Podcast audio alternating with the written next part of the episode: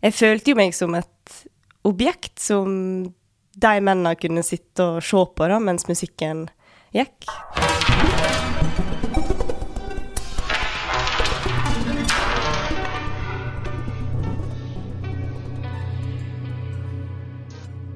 På øving, på spillejobb, på audition, i studio.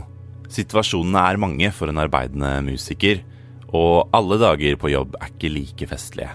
Produsent og artist Live Solid, bratsjist Agnes Pavlic og låtskriver og mikser Åse Ava Fredheim har alle opplevd merkelige, ubehagelige episoder i musikkhverdagen. Episoder hvor de har blitt undervurderte pga. kjønnet sitt. Dette er lyden av de undervurderte.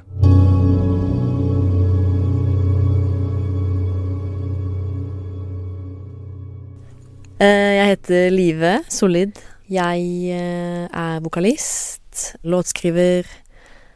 Når jeg kommer liksom og skal spille og har med meg oppsettet mitt, som, som jeg nesten alltid har, egentlig, så har det hendt flere ganger at lydteknikere har vært litt sånn skeptiske, da, og, og liksom prøvd å, å, å, komme, å synse om det. Litt sånn som om at jeg ikke vet hva jeg driver med, da. Det er litt sånn generelt problem. Jeg husker spesielt én episode da jeg skulle spille med bandet mitt, da, og da husker jeg lydteknikeren, som var uh, mannlig, da. Mm, han var vel sånn i 40-årene, tror jeg. Han var veldig skeptisk til uh, det, mitt oppsett, da. For jeg bruker jo elektronikk live, ikke sant. Jeg har litt sånn kontrollere, og jeg kjører vokal gjennom effekter og sånn. Han sa liksom Ja, jeg kommer, å, jeg kommer til å splitte signalet, for han vil liksom ha rent vokalsignal. Og jeg vet veldig godt at det funker ikke for meg. Så da var jeg veldig sånn Nei, det funker ikke, fordi Og så forklarte jeg det, og så, og så var han veldig sånn Nei, men uh, jeg kommer til å Jeg må jo bare splitte signal, Jeg må bare gjøre det, fordi nei, det er så mange er, ja, hvis, hvis, du skulle miste kontrollen og sånn. Og så følte jeg at han, var, han trodde ikke jeg kunne det som jeg drev med, da. Men jeg var veldig sta. Jeg var litt sånn Nei, men du kan ikke gjøre det. Det, da, det blir helt feil i forhold til soundet, da. Jeg merka veldig godt at han liksom ikke stolte på meg helt, da. Det har jeg følt på, at jeg har blitt behandla litt forskjellig fra de andre i bandet, ja. Men så lot han meg få vilja mi til slutt. Og etter konserten så kom han bort og bare Ja, herregud, du kunne jo dette her, og sånn. Det var jo fint at han eh, liksom erkjente at han kanskje var Altså, hadde, han hadde liksom et bilde av ja, når det kommer kvinnelig vokalist med effekter, og de, og de kan ikke det, og de får ikke til effekten og sånn. At han hadde liksom en sånt bilde, da. Men han var veldig sånn ja, det, du kunne jo dette her dritbra, og herregud Ja, han hadde veldig sånn fordommer. Jeg har brukt tid på å bygge opp selvtillit rundt det jeg driver med, liksom. I starten, husker jeg, sånn da jeg var Så da jeg begynte, for eksempel da jeg begynte på NMH, da, um, så følte jeg at jeg måtte bevise veldig at jeg var god, og være veldig tydelig på at jeg kunne ting og sånn. Og at jeg også måtte øve mye, altså ekstra mye for å liksom, ja, vise at jeg, at jeg var flink. Jeg følte spesielt, siden jeg er kvinnelig musiker, da, at jeg måtte bevise litt ekstra at jeg kunne liksom mye sånn eksempel musikkteori eller mer sånne ting som ikke var bare det å synge melodier, da. det kjenner jo mange på, uavhengig av kjønn, men uh, det kan være tyngre for kvinner fordi man føler kanskje mer at man må bevise at man er god, da.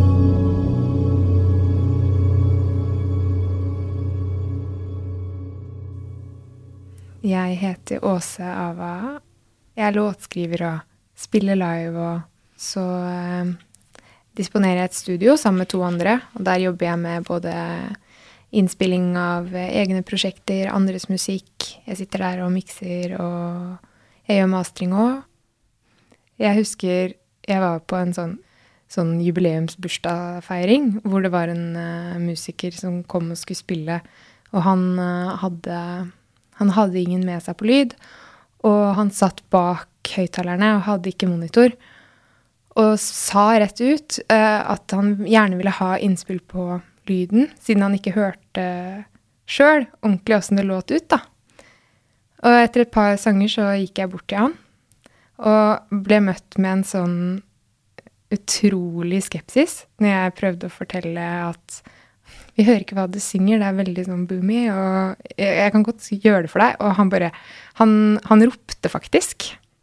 Jeg vet ikke om det handler om at jeg er kvinne, eller om han på en måte bare sa det for å unnskylde dårlig lyd.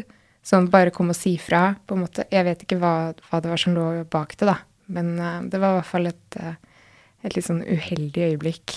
Han ba jo faktisk om, om hjelp, og så kom jeg for hjelp, og så var det ikke Det var ikke velkomment, da. Møtt en del overraskelse. Sånn Oi, er det du Er, er du teknikeren? eller lydmannen?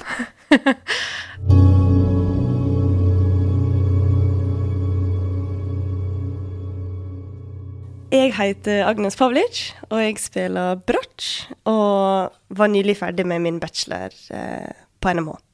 Det var et par år siden der jeg i en måneds tid jobba sammen med en DJ. Og det var veldig godt betalt. Eh, det var veldig vanskelig å si nei til de jobbene. Eh, da gjorde vi alt fra bryllup til eh, jubileumsevent, og det var veldig gøy. Der jeg òg jobba sammen med en saksofonist var veldig dyktig. Men den siste jobben jeg gjorde sammen med han DJ-en, da, så Da var vi nede med et bygg med sjøen, og det var veldig mange menn i dresser som satt med langbord og spiste middag og sånt. Det var sikkert jubileum av noe slag. Der jeg fikk beskjed på forkant uh, om å ha på meg noe kort og sexy. Og det syns jeg var litt ubehagelig. Jeg følte jo meg som et objekt som de mennene kunne sitte og se på da, mens musikken gikk. Det var jo viktigere for dem at jeg skulle se bra ut. Så det syns jeg var ganske ubehagelig. Saksofonisten, han, han, han har jo på seg skjorte og bukser, og ser helt normal ut. Og, så jeg bare lurer på hvorfor han ikke kunne gå i noe som var mer revealing, eh, siden jeg måtte gjøre det. Syns jeg var litt urettferdig. Så det gjorde ikke jeg. Jeg tok på meg den lengste kjolen som jeg fant, som gikk ned til rett under knærne og er langarma og høy i halsen. Så følte jeg måtte protestere litt, da. Men jeg sa ikke noe på det. Slutt etter det, da. Ja, jeg ville ikke være med på det. Serken kommer godt med noen ganger, altså. Jeg har jo kanskje litt flaks sånn sett sjangermessig. Jeg spiller jo vise folk-ting. Eh, det er ingen som forventer at jeg skal vrikke på noe som helst.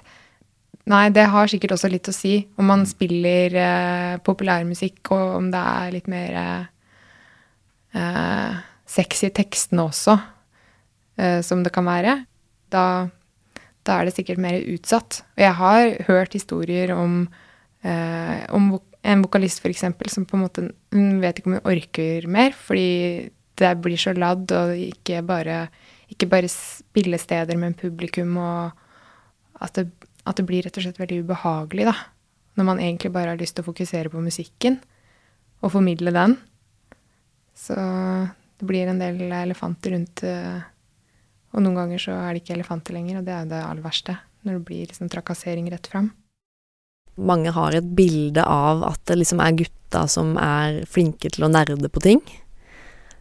Men det, det tror jeg ikke stemmer i det hele tatt. For det jeg kjenner jo så mange flinke damer som, som nerder mye. Veldig mye. Og jeg gjør det mye selv òg. Jeg jo, kan sitte her og jobbe med én lyd liksom i to timer og bare Det er kanskje litt sånn et bilde man har hatt gutta som sitter på gutterommet, ja. Og litt sånn Kygo, han satt på gutterommet og produserte musikk, liksom.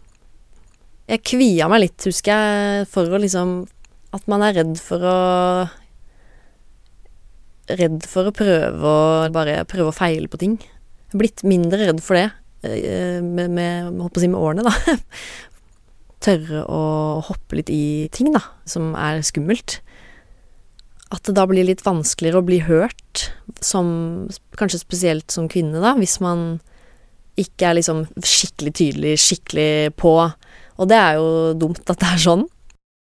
Jeg har snakka med veldig mange forskjellige folk, både voksne og, og yngre, eh, angående det med utseende. Selv om ingen har direkte sagt det til meg, så føler jeg at det er en type uniform ved klassiske musikere. Når man sitter i et orkester, at man skal se sånn og sånn ut, og være veldig nøytrale og anonyme, nesten. For jeg er spesielt glad i å ha farga hår eller bruke mye sminke, og jeg syns det Altså, selvfølgelig kan jeg eh, jeg kan jo forandre på hvordan jeg ser ut og sånn, men det er litt sånn trist at jeg ikke kan være meg sjøl i et orkester. Så jeg føler at jeg må på en måte holde, holde meg tilbake, da. For at hvis Jeg føler at jeg kan bli urettferdig behandla på en audition hvis, det, hvis jeg kommer med rosa øyenskygge, for eksempel. Sånn som på NMH, så er jo det flere konserter der jeg har tona ned og sett litt mer normal ut, da.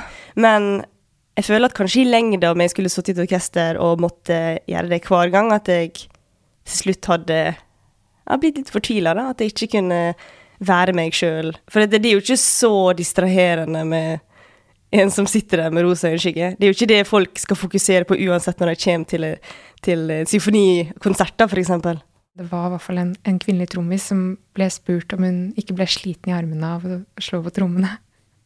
Det tror jeg ikke Det tror jeg ikke det er mange menn som har blitt spurt om.